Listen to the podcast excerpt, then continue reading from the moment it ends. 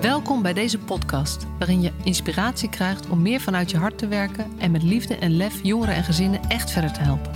Voel je waarde, voel de passie voor je vak, voel je professional vanuit je hart.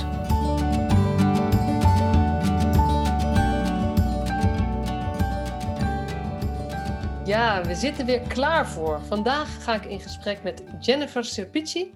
Zij eh, is POH GGZ Jeugd in Rotterdam, als ik het goed heb. Ja. En uh, ik heb haar gevraagd om, uh, om eens met ons in gesprek te gaan over het thema professional vanuit je hart. Dus uh, welkom in mijn podcast. Ja, dankjewel. En om maar meteen dan de belangrijkste vraag te stellen. Ben jij een professional vanuit je hart? ik denk het wel, ja, ik hoop het wel. Ik ga er wel uit, ik doe mijn best. en wat betekent het voor jou? Um, nou, ik vind het belangrijk dat als je professional vanuit je hart bent, dat je, uh, ja, ik moet patiënten zeggen omdat ik de POA ben. Dus mijn cliënten zijn mijn patiënten, maar dat ik ze wel gelijkwaardig uh, behandel. Um, en ze zie als mensen. Um, ja, en uh, met iets waar ze geholpen bij willen worden. En niet als ja, slachtoffer of als dat, ze, ja, dat ze moeilijk zijn. Want dat brengt al weerstand op. Ja, dus voor jou gaat het heel erg over gelijkwaardigheid. En eerst de mens zien en niet het oordeel hebben daarover. Eerst de mens zien en misschien daarna pas de hulpvraag. Maar eerst gewoon kijken van wie ben jij uh, en wie ben ik en uh, wat vind je leuk, wat is je kracht, wat is je talent. Uh, ja, wie ben jij? Want ik, het is moeilijk om iemand te gaan helpen als je niet eens weet wie die persoon is. Uh, eens, eens. Ja. ja. en het is wel, wel, ken je het liedje uh, Dossier 107 van Moraya de Haan? Nee. Nou, die ga ik, link ga ik je nog sturen dan. Oké. Okay. Maar dat is een, um, uh, Moraya heeft in de jeugdzorg gezeten en die heeft daar dus een liedje over van jullie weten van alles van mij, maar ook heel veel niet. Je weet niet dat ja. ik van spaghetti hou en dat nee. soort dingen allemaal. En dat is eigenlijk wat jij ook zegt. Van, hoe kan ik je helpen als ik niet weet wie je bent? Ja, precies. Dus dat is eigenlijk ook altijd mijn eerste gesprek. En mijn eerste vraag is bij elke consult, hoe gaat het met je? Want ook die vraag is heel belangrijk, vind ik. Om echt even stil te zijn bij, hoe gaat het eigenlijk met jou? En uh, vervolgens de vraag van, ja, wie ben jij? Wat ik al zei. En, uh, maar dan vraag ik ook voor, als je iets over mij wil weten, mag dat ook. Ja. Dus soms dat... krijg ik een vraag van, oh, goh, heb je, heb je huisdieren? ja, ja mooi. Hey, maar en... ik zoek ook uh, vaak uh, bij gesprekken, uh, wat me ook dan misschien professional vaak mijn hart maakt. Ik zoek ook vaak gelijkenissen tussen die ander en tussen mij. Om te kijken van, wat heb jij nou bijvoorbeeld, nou ja, wat ik wel interessant vind. Of waarin zijn we misschien een beetje hetzelfde. En dat zorgt ook voor die verbinding. Dus als er een jongen voor me zit die heel erg van gamen houdt. Um, nou, dan vertel ik eigenlijk dat ik eigenlijk ook wel van gamen hou en een PlayStation 4 heb en uh, van FIFA hou en of die het laatste spelletje al heeft gedownload of niet. En je krijgt er hele leuke gesprekken uit. Maar ook het hele ijs zie je wegzakken en je denkt, ah, oh, die persoon is gewoon, het viel wel mee. Want ja. het is voor hen doods, ja, het is gewoon heel eng om mij een vreemde gewoon je hele verhaal uh, neer te leggen. Ja. Die je nog nooit hebt gezien. Ja. Het is ook wel leuk dat je het voorbeeld gamen noemt. Want dat, dat noem ik vaak als, mij, als een voorbeeld in mijn training, omdat heel veel mensen hebben daar gewoon een mening over. Ja. Überhaupt als je gamet. Ik weet niet hoe, hoe dat bij jou gaat. Want jij, ben jij een gamer dus ook? Ja, ja. mijn- ik schaam me er niet voor. Ik ben het altijd al geweest. Eh, als kind zo aan had ik een Game Boy en toen een Gamecube. En dat, en dat is alleen maar doorgegaan zo. Ik ben niet een hardcore gamer. Maar ik vind het wel leuk. En, eh, maar en, en ja, gamen en eh, Insta, zoals hè, de kinderen het noemen, het Instagram, maar Insta en Snap. En eh, moet je eigenlijk zien als een soort nieuwe taal wat ze hebben ontwikkeld. Uh, en wij zijn dan een beetje van, goh, hè, dat is niet goed voor je. En, maar dat dachten ze vroeger ook over, over schrijven, boeken schrijven, vonden ze ook dat dat kon niet. Dan was je gek als je dat deed. Maar dat is gewoon, het, dat is ook op een gegeven moment zo gekomen. Dus ook het gamen en het hele social media, het is waar we naartoe gaan. Het is de nieuwe taal. En de kinderen die zijn er, of de jongeren zijn daar al best wel ver, ver in dan wij. Wij zijn een beetje daarachter. Uh, wij vinden het allemaal maar eng. Behalve jij dus, want jij gamet ook. Behalve ik, ja, ik vind, ja. ja, nou ja, social media, hoe het gaat, dat vind ik wel een beetje eng. Uh, en ja, bij gamen zitten natuurlijk zitten er een paar gevaren, maar kinderen leren daar ook hoe ze om moeten gaan, sociaal met elkaar. En, uh, maar je moet gewoon een beetje weten hoe en wat. Want sommige games zijn wel heel erg, uh, ja, sommige games zijn niet goed voor de spanning van de kinderen, laten we het zo zeggen. Als je dan verliest, dan kunnen ze heel boos worden. Ja, ja. ja ik vind het wel mooi, want het, ik herken, uh, ik heb een gamer in huis, zeg maar, hij is pas 12, maar ik, ja. ik, ik heb er niet zoveel mee. Dus ik voel bij mezelf al dat je eigenlijk, zeg maar, als ik niet bewust zou zijn, zou ik ook niet zoveel interesse in hebben, want het interesseert mij niet. Maar ik merk ook dat om connectie met hem te hebben en te houden en ook um, eigenlijk gewoon te weten waar hij mee bezig is, ga ik toch ook ja, meekijken en proberen te snappen wat hij aan het doen is. Zou je ook eens een keer mee willen spelen? Ja, heb ik ook geprobeerd. Hij vond het heel leuk dat ik in Fortnite aan het zwemmen was en dat ik. Uh, en uh, Minecraft is dan het andere, dat doet mijn dochter meer. Ja. En uh, dan, het was heel lief, want dan gaan ze mij ook beschermen tegen monsters die er langskomen, want daar ben ik dan niet snel genoeg voor.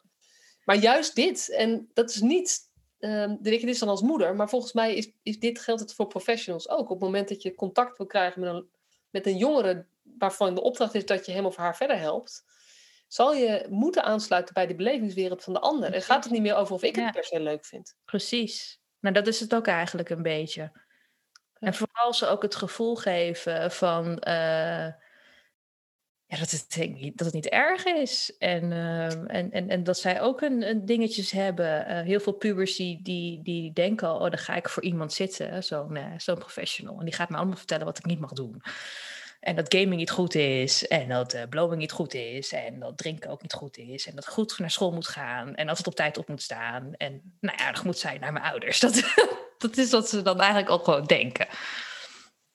Maar, je, maar met gamen leer je inderdaad die connectie. Maar uh, ja, je leert ze ook bijvoorbeeld hoe je om moet gaan met spanning en met verlieservaringen. En uh, je hebt spelletjes die ervoor zorgen dat, het, uh, dat je puzzels kan maken. Dus je intelligentie, hè, uh, train je ermee. Uh, en je hebt ook uh, samenwerkingsspelletjes of dat je kan tennissen. Ja. Dus het zijn een beetje de spelletjes die je, die je speelt. Maar het zorgt wel weer voor die verbinding. En ja. ja, en, en zeker ehm, ja, sommige kinderen hebben iets anders meegemaakt. Bijvoorbeeld, ik heb laatst nog een patiënt gehad en... Um, die had ook uh, die had een Turkse man. Uh, maar goed, dat was dus ook. Uh, ik zei ook van ja, maar ik ben ook, ik ben ook half Turks, weet je. En dan krijg je toch weer een beetje een soort uh, van: oh, oké, okay, dan begrijp je het wel. Ja. Ja, dus dat is, want dat is eigenlijk de aanleiding was, was dat je zei: ik zoek ook naar gelijkenissen. Precies. Iets waarin we hetzelfde zijn. En dat is ja. een soort basis van om, om ook een werkrelatie op te bouwen en elkaar ja. gewoon te ontmoeten. Ja. Ja, mooi. En um, nou ja, ik, ik zei al je bent POH GGZ Jeugd. Mm -hmm. uh, wie is Jennifer nog meer? En wat doe je als POH GGZ Jeugd? Oké, okay, ja, ik werk uh, in Rotterdam-Zuid voornamelijk, ook in Noord. Uh, ja, superleuk om in Rotterdam-Zuid te werken, waar eigenlijk POH-jeugd heel hard nodig is. En wat Want Zuid doe... is, is even voor mij dus een krachtwijk, zoals ze het noemen. Of een... ja, dat hoop ik wel. Ja, op een gegeven moment. Maar het is, gewoon, het is nog steeds, er zijn heel veel problemen. Ja. Uh, ja. En uh, ja, het, het, is nog, laten we het zo zeggen, het is voor mij nog een ontwikkelingswijk. Dus uh, ja. er zijn heel veel mooie hè, dingen die daaruit kunnen ontstaan. Maar we moeten wel zien dat er nog steeds kinderen daar rondlopen met een mes en die regelmatig steken. Want dat gebeurt gewoon in Rotterdam-Zuid. Ja. Um, maar een POH, wat je doet, je bent, uh, ik ben bij de huisarts, ik werk daar dus ook, ik heb mijn eigen ja, kamertje waar ik in zit. En um, ja, ik ondersteun de huisarts, vandaar ook praktijkondersteuner, um, met problemen waar kinderen tegenaan lopen en hun ouders. Dus ik kijk systeembreed, want het kind heeft niet altijd het probleem. Dus het, misschien is het iets in het systeem, in het gezin, en daar kan iedereen op reageren. Um, nou ja, en dan help ik kinderen en hun ouders met bijvoorbeeld opvoedproblematiek of uh, ruzies onderling of um, ja, van alles eigenlijk. Uh, pubers die hun uh, ouders niet uit kunnen staan en andersom. Um, Ja. ja. Of gewoon de puberteit, wat is dat nou? En of sommige, soms zijn er kinderen die ook gewoon even willen, wat gewoon hun ei willen kwijt willen raken en gewoon over problemen willen praten of wat ze hebben meegemaakt. Ja. Dat is het. En um, je zit echt in de praktijk van de huisarts. Je bent ook aan vaste huisartspraktijk verbonden? Ja, ik werk er nu voor vier, binnenkort hopelijk vijf. Dus ik ben er wel echt aan heel veel uh, verbonden, ja. En um, dat ik, hoe, hoe is dan de verhouding met de... Want dit is een eerste lijnsvoorziening natuurlijk. Ja. Uh, met de buurtteams bijvoorbeeld, of de wijkteams, hoe dat heet, wat verschillend overal. ja, nou de verhouding is, is dat wij uh, in de uh, huisartspraktijk zitten als praktijkondersteuner. En dat wij ook bewust moeten zijn van een sociale kaart. Dus, um, dus ja, we geven hulp, maar we kijken ook van, goh, zit er al hulpverlening in? moeten wij misschien doorverwijzen? Want misschien zijn wij als POH, hebben maar een paar gesprekken, vijf of acht gesprekken. En als het niet voldoende is, dan moeten we toch wel gaan kijken van wie kan jou anders helpen, zoals bijvoorbeeld het wijkteam. Um, en dan hebben we contact met elkaar. Ja. En dat, ik, hè, uh, het kan voor mij, kan de, de samenwerking nog wel wat beter tussen de wijkteams en tussen de huisartsenpraktijk. En waar gaat het dan, ja, mis klinkt dan weer zo zwart-wit, maar we doen het even zwart-wit voor de helderheid. Waar is de verbetering het hardst nodig? elkaar op te zoeken en elkaars talenten en krachten te gebruiken. Ik denk dat we dat nog, uh, nog te weinig doen. En ik denk dat we elkaar heel veel kunnen bieden. Maar ja, uh, het, ik begrijp het wijkteam ook, die zitten ook gewoon vol. En uh, ja, daar, daar, die, die zitten gewoon vol, die hebben te veel casussen. Uh, ja. Maar jij zou eigenlijk zeggen, we, we werken nog te veel langs elkaar heen. Precies. Nou ja, wat, wat je ook eigenlijk in Nederland ziet, hè, is dat we eigenlijk allemaal op eilandjes werken. Van nou, dit is ons stukje en dat is jouw stukje. En dit is onze wijk en de wijk die daarnaast ligt is jouw wijk. Ja. Uh, zo kijken we een beetje. Terwijl zo kijk jij niet? Nee, want ik denk, het gaat toch allemaal om de jeugd in Nederland. Ja. Dus waarom zijn we daar niet samen allemaal verantwoordelijk voor? En hoe zou je dat dan, want je zegt van we zouden nog elkaar meer op kunnen zoeken. Hoe, hoe zou dat dan in de praktijk eruit kunnen zien, wat jou betreft? Nou, um, wat was wel grappig. Ik had laatst een casus dus gedeeld in de kwaliteit voor het kind. Uh, anoniem uh, over dat ik gewoon vast zat met, uh, met, een, met een jongere en dat een intake en behandeling 63 dagen waren voor een trauma. Ja, dat is gewoon ontiegelijk lang. En um, toen iemand die ik niet kende, die heeft toen, is uit haar weggegaan en die heeft gewoon ook hier en daar gebeld in haar netwerk en heeft mij berichtjes gestuurd met, hey, ik weet nog die persoon en die persoon voor je. Dus ik vroeg er niet eens om of zij mij kon helpen, maar zij heeft gewoon uit zichzelf heeft ze haar netwerk ingezet en heeft ze zo geprobeerd mij te helpen, terwijl ze, um, terwijl ik haar eigenlijk niet ken. Nou, en dat zou mooi zijn als we ook dat gewoon hadden. Gewoon elkaar zou, meer zouden helpen um, niet, en gewoon van ons eilandje afkomen en denken van god, dat is interessant en wat kan ik jou bieden? Want we hebben elkaar, we hebben zoveel te bieden aan elkaar, alleen we doen het gewoon niet voldoende. Nee, nee en tijd is daar een issue in, maar het is niet alleen maar tijd. Het is ook gewoon um, je, soms je realiseren dat er anderen zijn die met ongeveer hetzelfde bezig zijn, zelfs ook in jouw wijk. Ja. Ja, ja, ja het is het echt het realiseren en uh, tijd, maar ook een beetje denken van, uh, weet je, uh, we zitten gewoon te veel op, op die eilandjes. We ja. zitten te veel van, laten we alles vasthouden met man en macht, want dit is onze comfortzone. Maar die comfortzone, dat is een drijvend schip van een Titanic en we moeten er vanaf. Want die ijsberg die is al heel erg lang in, in beeld van de jeugd. Daar we gewoon uh, er tegenaan rammen. En en als je dat al weet, dan denk ik bij mezelf, waarom ga je dan niet ga je sturen, zodat we misschien nog, uh, ja. Dus ik zou gewoon echt allemaal van die, we moeten van die eilandjes af. En waar moeten we dan heen? Dat af. Een groter eiland. Voordat we, voordat we in een stelseldiscussie komen. Ja. Maar gewoon even pragmatisch houden. Waar moeten we dan heen? Ik, wil ondertussen even mijn, uh, mijn stekker van mijn oplader erin doen. Nog een blikje. Ja. Vrij belangrijk. Ja. Nou, waar moeten we heen? Sowieso gaat de, de, de, jeugdzorg en de hulpverlening... Gaan, we gaan sowieso meer naar social media en naar online. En dat wordt ook meer de toekomst. Ehm, en dat zal over 30 jaar zullen we echt steeds veel meer online gaan doen. Uh, dus ik denk uh, waar we nu al zijn te vinden, we zijn al heel veel op LinkedIn te vinden. Ik denk dat we gewoon, uh, ja, we, ja, het zou mooi zijn om een netwerk te maken. Ja, en ik geloof er ook heel erg in. En ik geloof vooral van de kracht van, in de kracht van informele netwerken. Ja. Want we kunnen, er zijn natuurlijk heel veel formele netwerken, waar ook samenwerkingsafspraken gemaakt worden. En die worden dan bekrachtigd. Maar uiteindelijk is mijn persoonlijke ervaring dat het vooral werkt als je elkaar ook eens in de ogen hebt gekeken of in ieder geval hebt gesproken. En samen een kopje koffie hebt gedronken. Of een keertje samen hebt gewerkt rond een casus. En dat het dan veel sneller gaat of zo. Ja. En investeer jij daar dan zelf ook in? Om de mensen die buiten jouw POH, buiten jouw huisartsenpraktijk zeg maar werken. Hoe, hoe, doe je dat zelf? Nou, dat is ook een van onze nou, taken eigenlijk om zo te, te, eh, te noemen. We hebben ook een wijkmanager en die uh, ondersteunen ons goed. En wat we doen is, als ik tijd heb tussendoor ehm, en geen patiënten zie, dan ga ik uh, naar instellingen toe. Of ik ga een praatje maken met, bijvoorbeeld met het CEG hebben we maandelijks overleg.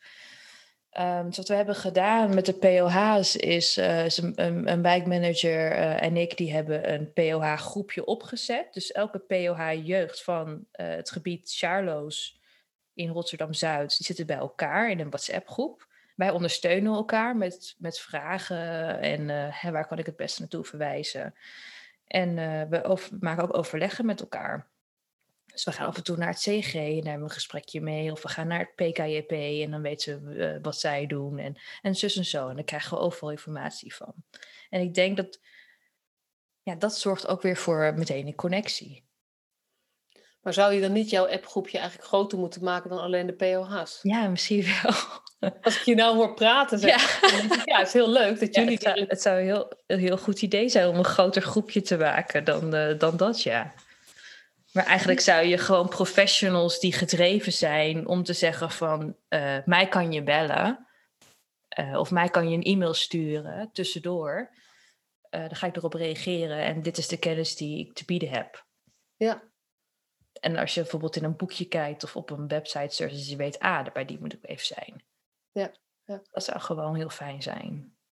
Ja, en we willen dat ergens weer organiseren. En daar zit ook weer de makken. Want zodra je het gaat organiseren, krijg je ook weer uh, afgrenzingen van wat je dan wil organiseren of zo. Dan mag het ook weer niet te groot worden. Ja, en ja, dat is dus weer zo uh, bureaucratisch moeilijk. Dat, ja. De grenzen en uh, ja. En wat gebeurt er met je als je over dat soort dingen dus gaat nadenken? Bureaucratisch moeilijk? Ja, wat gebeurt er dan? Ik hou niet zo heel veel van regels. um, ik denk dat er sowieso, je, je moet er goed over nadenken. Uh, maar ik denk dat het juist een kracht is dat, dat er niet zoveel regels hoeven te zijn. En dat we gewoon elkaar kunnen benaderen. Uh, en dat er niet uh, iemand boven ons staat, maar dat, we het gewoon, dat we samen zijn. Dat we allemaal gelijkwaardig zijn. Ja. En zie je dan een. Um, wat, wat, wat ik weet is de uh, privacy-wetgeving um, maakt het voor. Prof, veel professionals vinden het daarom lastig. Ja, dat snap ik. Even te denken. Jij hoort natuurlijk qua privacy-wetgeving bij de huisartsen. Ja.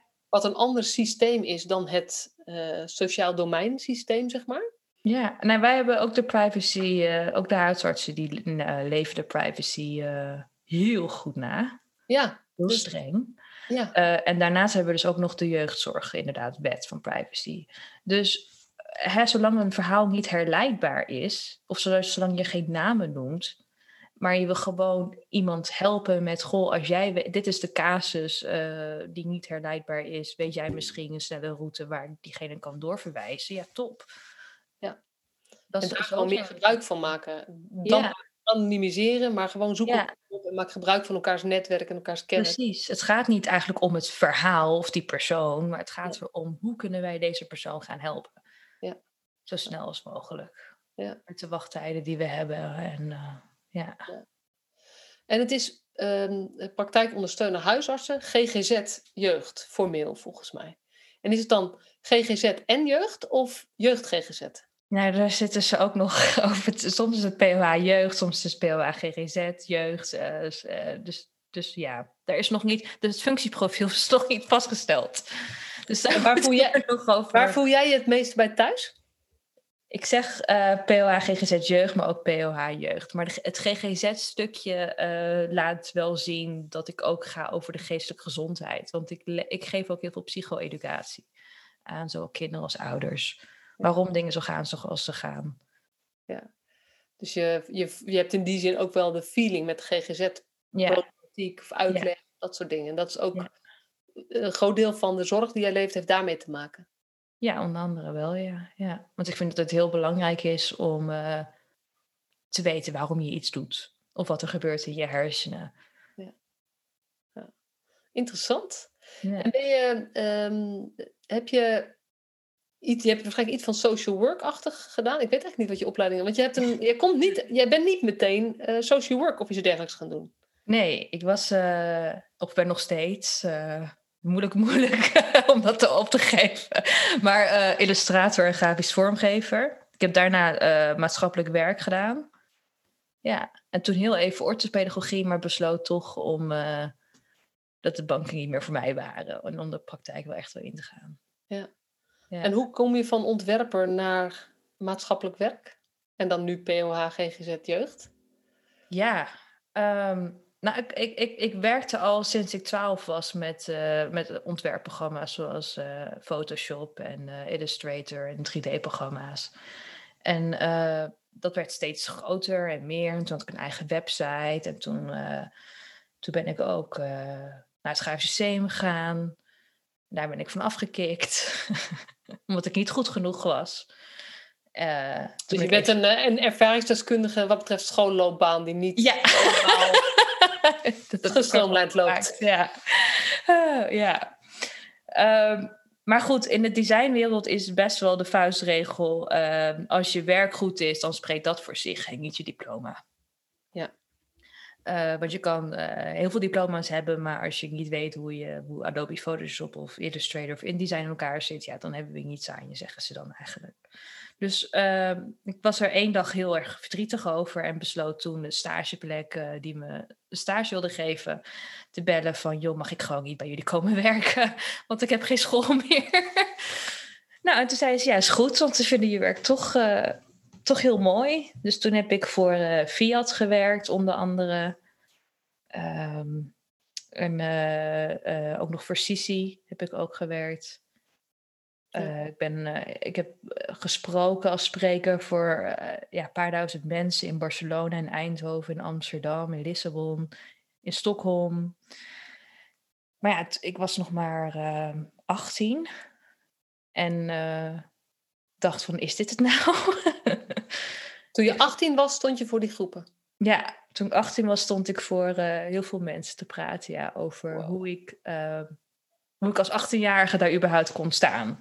Dat vond iedereen heel interessant. En uh, nou ja, ik zei tegen moeder, joh als ze mijn vliegtuigje, vliegtuigticket betalen naar Barcelona, wil ik best op gaan. en, hè, en een hotel, tuurlijk. Dus, uh, maar op een gegeven moment uh, had ik wel een beetje dus carrière en had ik, ken, had ik wel een naam uh, gekregen. Uh, ik had ook in een film uh, gewerkt. Dat was ook wel leuk. Was een stukje film gemaakt en is in het ei uh, de bioscoop uitgezonden. Um, maar het, het, het, voelt, het, ja, ik kreeg gewoon niet meer voldoening. En ik, ik, ik begon, ik at en dronk en leefde design, maar ik ik wist gewoon niet hoe andere mensen leefden of wat er in hen omging of waarom ze dachten zoals ze dachten. Dus ik vond het heel leuk, maar ik dacht, ja, volgens mij is dit het gewoon niet. En kan ik meer doen dan dit? Ik, vind, ik vond het heel leuk om te doen, maar um, ja, het gaf mij gewoon niet meer genoeg. Nee, je, je vond het heel leuk, maar op je 23 was je er wel klaar mee. Ja, toen, was het eigenlijk, toen had je het al gedaan. Ja, ik had het al tien jaar gedaan, hè, of elf jaar. Ik begon met mijn twaalfde. Dus ja, inderdaad. Toen stopte ik er ongeveer mee. En uh, toen ben ik, uh, heb ik een 21 plus toets gedaan, want ik had ook geen diploma. tuurlijk niet.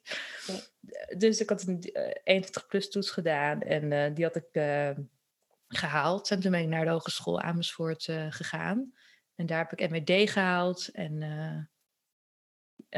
gedaan en heb ik het gehaald. En toen ben ik, nou, toen ben ik dit gaan doen zoals wat ik nu ga doen. Wat ik nu doe.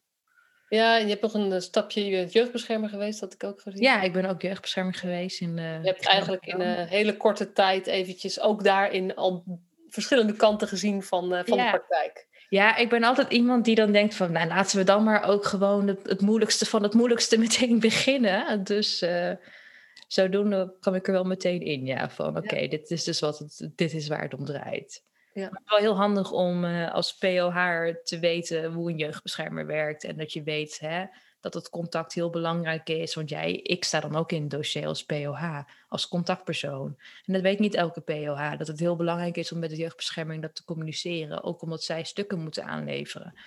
Nou, en, en, en, zo weet ik gewoon uh, heel veel over het rechtssysteem. En dat is, dat is heel fijn, heel handig. Ja, en ook over de achterliggende zorg weet je veel. Ja, ja, wat het, ja dat, dat proberen wij dus te voorkomen met de POH jeugd. Of dat probeer ik althans te voorkomen. Dat, ze niet, dat het niet gaat escaleren. Dat het niet nodig is dat het wijkteam het no uh, pakt. Ja. Want het probleem is al opgelost. En dat het ook niet meer zo ver... Het is een soort sneeuwbal, hè? Eh, het begint met iets heel kleins. En dan komen er niet genoeg hulpverleners in. Of dan zien ze het probleem niet. En dan wordt het, de sneeuwbal groter. En dan gaat het maar van die berg af. En op het einde is, die, nou, is het gewoon eh, een lawine geworden en dat is dan jeugdbescherming. Maar het begon ooit met een wat nou ja, minder klein probleem als ze binnenkwamen. En dan komen ze bij de jeugdbescherming, hebben ze al zoveel gehad. Uh, ja, en probeerde dan maar als jeugdbeschermer met min 10 al in te stappen. Want ja, je gaat weer beginnen met een onderzoek. En de ouders denken, ja, maar we hebben al, al, we zeggen al zo lang wat er aan de hand is. En die snap ik ook. Ja. Zo heel mooi. Ik heb een podcast met Mike van der Velde opgenomen. Ja. En uh, hij heeft zelf, uh, hij heeft ook in de achtbaan en in die lawine gezeten, zeg maar. Ja. En hij uh, heeft nu zijn eigen jeugdzorginstelling ook. Hij noemt andere woorden, maar Wij zijn broer heet dat. En hij ehm, zegt daarin, probleemgedrag is ook een oplossing. Ja. Alles wat wij probleemgedrag noemen, of waarmee iemand, zeg maar, waarom een kind zichtbaar wordt, opvalt, omdat er probleemgedrag is of een afwijkend gedrag, iets waar je zich zorgen over maken, is een oplossing voor iets anders.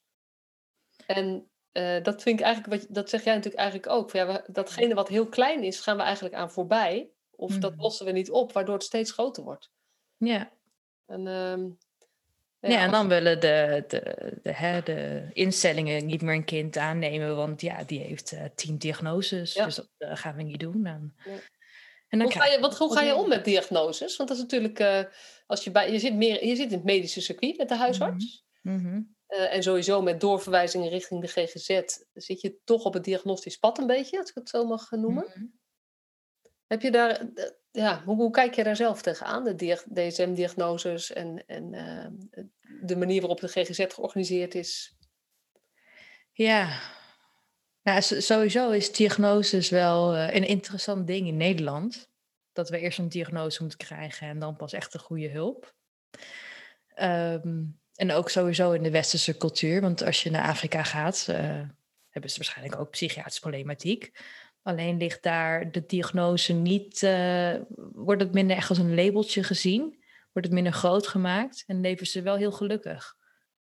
Dus dat is wel interessant. Dat het echt iets is van de westerse cultuur, van onze cultuur. Om, er overal, om overal maar voor iets een, een antwoord te hebben. Een verklaring, een uitleg een voor Een uitleg, ja. En dat past precies hier hm. eigenlijk uh, ja, in Nederland. Om alles een, een uitleg en een koppeling te geven. Maar hoe ik er naar kijk, ja, dat is, uh, ik kijk er uh, ja, verdeeld naar, verschillend naar. Um, ik vind heel jong beginnen met diagnosticeren um, voor sommige diagnoses nee, niet, niet nodig. Bijvoorbeeld kinderen, ja, ze zijn gewoon druk. En, uh, en jongetjes zijn ook druk. En om dan op, op eenjarige leeftijd te denken van die heeft ADHD, ja, laat ze eerst groeien en ontdekken. En ja. Maar aan de andere kant, hè, um, het biedt ook uh, ja, inzicht als je een diagnose krijgt. Ja. Maar ik mag geen diagnose stellen, ik mag ze alleen vermoeden. Ja. Nou, ik kan me voorstellen dat je ehm, als je ouders, wanhopige ouders, ook bij je spreekuur krijgt, zeg maar, dat, dat die zich ook afvragen wat er mis is met hun kind bijvoorbeeld. Ja. en zeker als je naar een arts gaat, en je bent toch zeg maar, gekoppeld aan de arts. Ja. Maar dat is ook een beetje het, soms het idee van hè, we gaan naar de dokter toe en dan krijgen we een spuitje, om maar zo te zeggen. Of, of een, uh, ja. Of een pilletje. Of een pilletje. Wat minder heftig maken dan een spuitje. precies, een spuitje, een pilletje. of een plakbandje, ja. Nou ja. En bij mij, uh, en bij mij krijg ja, uh, vertel ik jou, uh, nou, dit is een mis met je kind en dan kun je weer gaan of zo. Maar dat, zo zit het niet. Um, voordat je überhaupt een vermoeden van diagnose kan stellen, wil je wel weten van wat is er eigenlijk opnieuw allemaal aan de hand thuis. Waardoor kan het kind zich zo gedragen? Want we kunnen wel makkelijk zeggen dat hij autisme heeft of uh, heel, heel, veel boosheid, maar misschien zit iets anders, de, de onderliggende factor ertussen. Misschien is het thuis iets veilig. Misschien is het thuis heel veel spanning. Of, uh... maar, en, en hoe, doe, want, hoe doe je dat gesprek dan met die ouders die daar binnenkomen met uh, toch van, joh, wat, wat is er mis met mijn kind? En heb je een pilletje zodat hij weer normaal gaat doen? Nou, ja, je zal het geloven of niet, maar de, de, heel veel ouders die naar mij toe komen, uh, die zijn nog niet bij die lawine waar, waar, ik net over sprak. Dus die zijn al, die zijn bij de, de après-ski. die zijn er bovenin. En die denken van, uh, die komen gewoon met van, die, eh, van, nou, niet per se wat is er mis met mijn kind, maar mijn kind die gedraagt zich zo. Wat kan ik hier aan doen? Er zijn heel veel ouders die, eh, die echt mijn advies ook van harte nemen. Bijvoorbeeld van, hè, uh, hoe zou jij hierop kunnen reageren op dit gedrag? Of hè, wijs het kind niet af, maar keur het gedrag niet goed. zulke, en, en ja, dat werkt gewoon. Ze zitten nog niet echt in de weerstand bij mij. En dat is nou juist hetgene waarom we op die eerste lijn moeten eh, investeren. Omdat die weerstand nog zo laag is. ja, je zit nog voordat soms voor die lawine. Voordat, maar ook nog voordat school signalen gaat geven en zo. Ja, en nou, bemoeienis probeer, ja, probeer die sneeuw maar gewoon tegen te houden als de lawine eenmaal gaat. Ja, dat, dat, krijg je, je. Je moet beginnen ervoor. Je, je moet ervoor al uh, ja. zijn. Ja. Ja, het is natuurlijk heel mooi als dat ook lukt. En dat, is, beetje, dat weten we allemaal dat het nooit altijd kan lukken. Maar je kan er wel maximaal op inzetten om dit te... Om hier ja, zoals, ja, mensen te helpen. Ja, want POH-jeugd is nog niet in elke huisartsenpraktijk. Daardoor weet ook niet iedereen dat wij er überhaupt zijn. Um, maar goed, als we dat steeds meer zouden hebben, dan zou het gewoon, uh, ja, we zouden eerder problemen opmerken. En soms hebben ouders gewoon alleen maar nodig van, hé, ik doe het goed. En ja, ik ben niet perfect. En ja, mijn opvoeding is niet perfect. En mijn kind is ook niet perfect, maar ik doe het goed genoeg. En soms moeten ouders alleen dat horen van, hè, je ja. doet het goed. Want, wat, want hoe, hoe uh, het, het, is nog niet overal. Wat zeggen de huisartsen van de toevoeging van een POH-jeugd in hun praktijk? Wat zeggen jouw huisartsen, zeg maar? Maar tot nu toe wat ik van ze weet is dat ze het hele, een hele toegevoegde waarde vinden. Want wat betekent het voor hun werk? Ja, misschien weet je, ik vraag je nu iets wat je misschien niet ja. weet. Nee, ja. Um, kijk, huisartsen die hebben ongeveer tien minuten uh, om iemand te zien of te spreken. En uh, een, een, probleem te horen en een diagnose te kunnen stellen.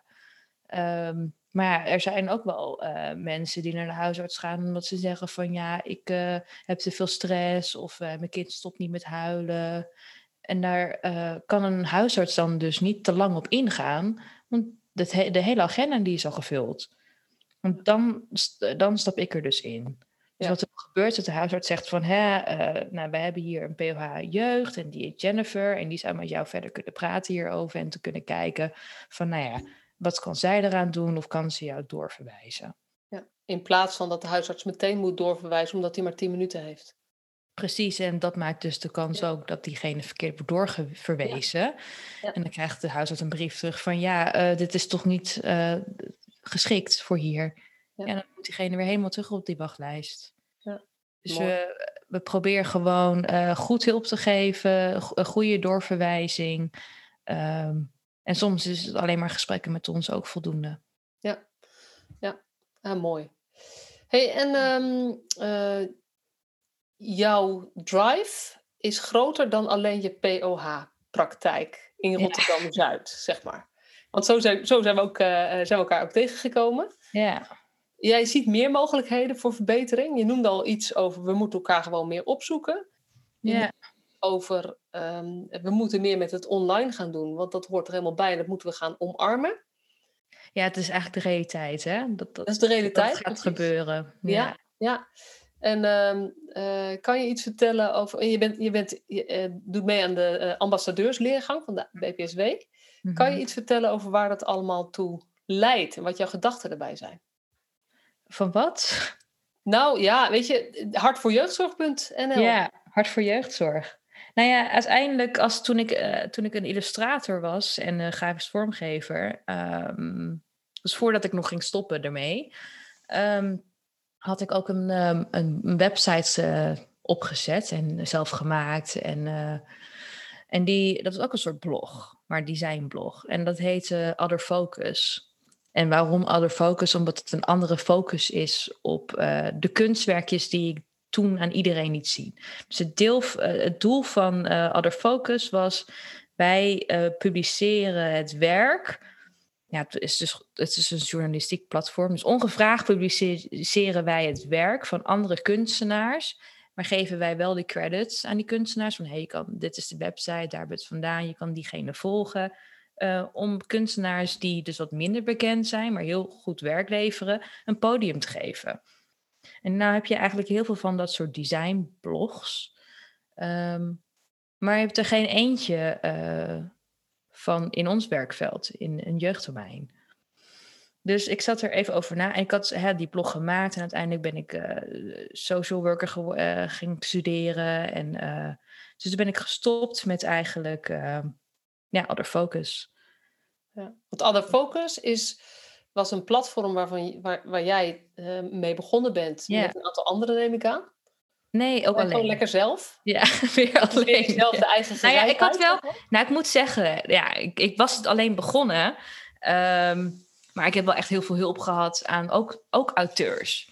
Ja. Die zich zo noemden, ja. ja. Dus, maar die noemden we artists. Dus er zit ja. een kleine nuanceverschil in. Maar het is eigenlijk precies hetzelfde idee als wat Hart voor Jeugdzorg is waar wij eigenlijk, wat het platform is uh, voor professionals door professionals. Dus waar wij onze verhalen die wat vaker in het licht mogen komen delen. En onze inspiratie of kennis delen. Hoe je met iets omgaat. Of bijvoorbeeld weerstand van iemand. Uh, of negatieve gedachten. Maar ook, uh, nou ja, je bent, je, je bent nu ook lid en onderdeel van Hart voor Jeugdzorg. Ja.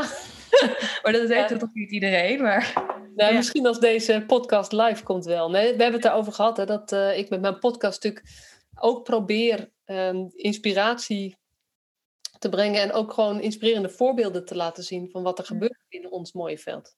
Ja. En, uh, en dat de delen van die podcast heel erg past eigenlijk bij uh, wat jij ook met Hart voor Jeugdzorg wil. Ja. Ja, waarom zouden we ons beperken tot alleen LinkedIn? Ja, want daar ben je dan ook afhankelijk van. Je bent dan ook afhankelijk van het aantal woorden wat ze gebruiken. En uh, ja, ik wilde gewoon uh, een platform maken van ik dacht van nou, de mensen uh, die mij gaandeweg hebben geïnspireerd.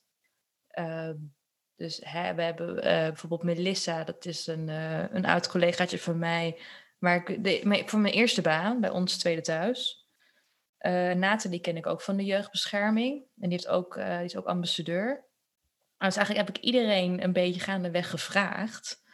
En de mensen die konden, die zijn nu auteurs. Ja. Die maken hele mooie, inspirerende verhalen. En elke keer als ik het lees, denk ik, jeetje, ben ik trots. Eindelijk dat we gewoon um, een site hebben waar je in je koffiepauze gewoon even kan, even kan lezen. En denkt, ja, dat was weer mooi. Of daar kan ik wel wat mee vandaag. Of het doet me goed. Gewoon ook een soort inspiratiesite, maar dan voor ons jeugdprofessionals. Ja, ja het is heel mooi. En ik, um, ik hoor ook daarin de ontwerper in die zin. Ja.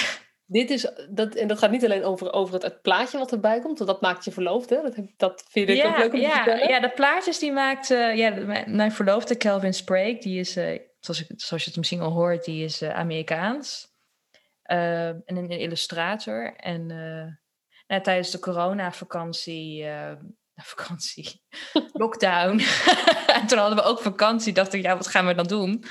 Dus toen heb ik gezegd, nou, dan gaan we wel echt die site maken. Dus hebben we de uren uh, aan besteed. Ik met een iMac naast zijn iMac. En zijn we zo een beetje gaan ontwerpen. Ja. En hij zei, uh, ja, hij wil graag ook meer persoonlijk werk maken. Want door persoonlijk werk kan een illustrator meer ja, uh, klanten aantrekken. Hij zei, nee, als ik voor, ehm, voor de artikelen een plaatje ga maken... dan hebben we ook meer eenheid... En sowieso vind ik dat kunst uh, ja, woorden heel erg mooi kan laten zien. Ja. Dat is een andere vorm. Dus je schrijft, je, doet je hebt eigenlijk twee creatieve vormen. Je hebt het schrijven en je hebt beeld, kunst. En juist dat zorgt voor dat een artikel je kan raken of niet. Ja. Dus daar... Het is wel, wel mooi, want ik moet ook even denken aan, aan uh, de gamer die je toch ook bent, zeg maar. Ja. Het, dat daar is kom wel... ik niet meer onderuit. nee, maar het is ook wel mooi, want het is natuurlijk iets wat je ook uniek maakt. Als je kijkt naar de gemiddelde jeugdzorgwerker, die heeft niet zoveel met online. Er zijn uitzonderingen. Sylvia, Sylvia, auteur van ook, uh, ook een nieuwe auteur van ja. jeugdzorg, die, heeft, die, die vindt ook gamen leuk. Nee, dat, natuurlijk, natuurlijk. Dit is weer de... Dus er zijn er meer hoor, maar als ik, het, ik vraag het vaak in een trainingsgroep. En dan zijn het überhaupt de vrouwen is al helemaal bijzonder. Maar dan vraag ik het van wie van, van jullie gamet hier? En is er vaak één of twee van, van die twaalf mensen die er zitten die dan zeggen dat ze gamen. En die steken schoorvoetend hun vinger op. Omdat het toch een soort van beladen is. En dat is voor mij dan de ingang om te praten over, joh, en verplaats je nou eens in de jongeren. Waarvan er zoveel gamen en voor wie het een belangrijk onderdeel van hun leven is. En dit is hoe wij er met elkaar over praten. Dus het is, het is, ik vind het wel grappig. Maar ik vind het bij jou heel mooi, want je, het is ook iets wat je echt leuk vindt. Ontwerpen vind je echt leuk. Jeugdzorg gaat je aan het hart. En je hebt een project gemaakt waar het allemaal bij elkaar komt. Ja, en grappig hè? maar um, ja, ik dacht, waarom is uh, zo'n platform? Is er nog niet in jeugdzorg? En uh, ja, ik, eh, hè? dus ik dacht van, waarom ga ik het niet gewoon zelf maken? Ik weet hoe ik het moet doen. Ik weet hoe ik een website moet maken. Kelvin, die is een hele goede illustrator en die wilde het op zich nemen om het logo te maken. En daar ben ik heel blij om, want het zijn eigenlijk blokjes van kinderen. Het Hart voor Jeugdzorg logo. Um, en nou, wij houden wel echt van dat hele minimalistische stijl. Dus niet te druk op een website, niet de advertenties. Gewoon iets wat op met ons, uh, om ons draait. Um, dus nou, ik ben, uh, ja, ik ben er heel tevreden over dat ik alles... Uh, zo zie je maar dat, je, dat, het, dat het toch nog terug is gekomen, dat creatieve gedeelte.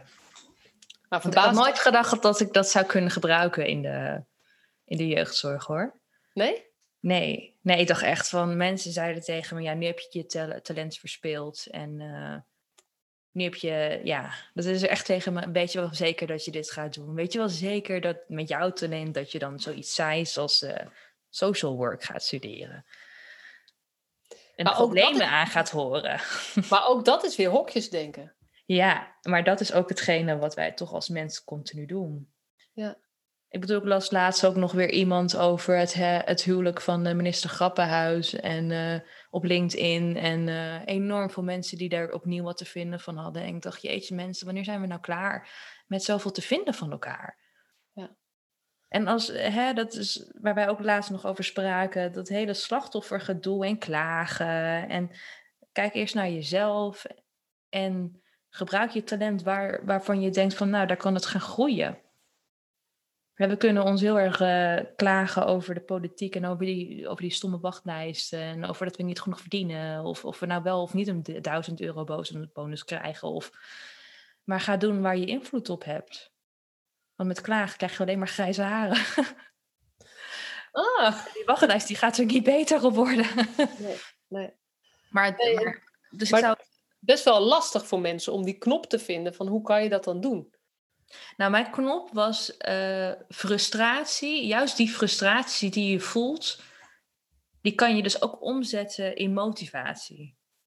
Voel lekker maar die frustratie dat het niet fijn gaat zoals jij dat zou willen. En vervolgens, maar wat ga je ermee doen? Wat kan jij ermee doen? Wat kan jij specifiek eraan doen? Ja. Want je hoeft niet iets groots neer te zetten als een blog of een, of een, uh, of een website. Maar je zou ook bijvoorbeeld, uh, nou, bijvoorbeeld jij doet een podcast kunnen doen, of een boek kunnen maken, of, uh, of doneren, of een, uh, of een maatjesproject doen, of misschien nog een andere studie, of iets of zo. Ja, of nog kleiner. Ehm, in de gezinnen waar je werkt of met de kinderen mee je werkt, nog bewuster kiezen van je richt op talenten. Precies. Of uh, uh, je collega's, op, zeg maar de collega's die niet jouw directe collega's zijn, maar dan onder organisaties zijn, um, uh, opzoeken. Ja. Nou ja, zo had ik ook bijvoorbeeld ooit een, ja, een patiënt. Ik vind het woord patiënt zo moeilijk. Want ik ben ooit van cliënt gegaan, dus dat is nu heel gek om dat zo te zeggen. Maar goed, ik had er dus ooit een patiënt en die was naar mij toegegaan. En ik had echt, hij zei tegen mij dat hij zich niet gelukkig voelde en niet fijn. En ik dacht uh, van, uh, en ik zat de hele tijd te denken, hoe ga ik hem nou helpen? Hoe ga ik hem nou helpen? Maar ik had hem niet gevraagd, nou, wat wil je eigenlijk gaan worden? Wat wil je doen in je leven? Dus toen stelde ik hem die vraag en toen kwam hij met me terug. Nou, ik zou eigenlijk wel uh, een product willen maken of hè, producten daarvan en t-shirts en zo. Ja, toen gingen we dus helemaal los. oh, en hebben we een website en een logo en nou ja, vroeg hij mij, waar zou ik dan kunnen beginnen met zo'n website? En hoe zou ik dan kunnen beginnen met een logo? En uh, uh, dus ik heb een paar tips gegeven, welke websites hij kan kijken en uh, dat soort dingen. En hij is weggegaan met een gigantische glimlach op zijn gezicht. Hij kwam naar binnen met shockend van, nou, hier gaan we weer. Naar, boom, ik heb inspiratie, ik ga wat van mijn leven maken. Ja. En hij kwam de dag daarna, tenminste de week daarna kwam hij terug. En nou ja, hij, hij, hij, zei het gaat hartstikke goed nu. En wat was het nou? Kijk, als je dan echt focust op die talenten. En die talenten die zijn cruciaal wanneer ze nog zo jong zijn. Wanneer ze nog lekker denken van het draait om mij in de wereld. Ja, dus dan is het hartstikke groot. Die, als je dan die talenten voelt, dan kan het zo gaan groeien. En iets moois kunnen ze dan bereiken. En ze vergeten dan ook even...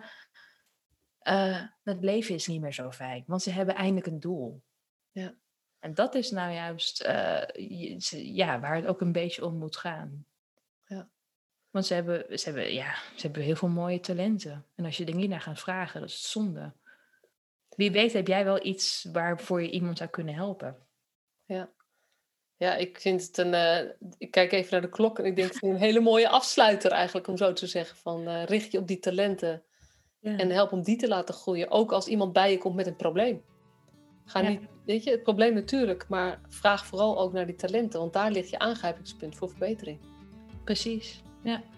heel mooi. Hey, um, ben ik iets vergeten te vragen? Zou je nog iets willen vertellen? Zou je iets willen toevoegen of de mooie afsluiter?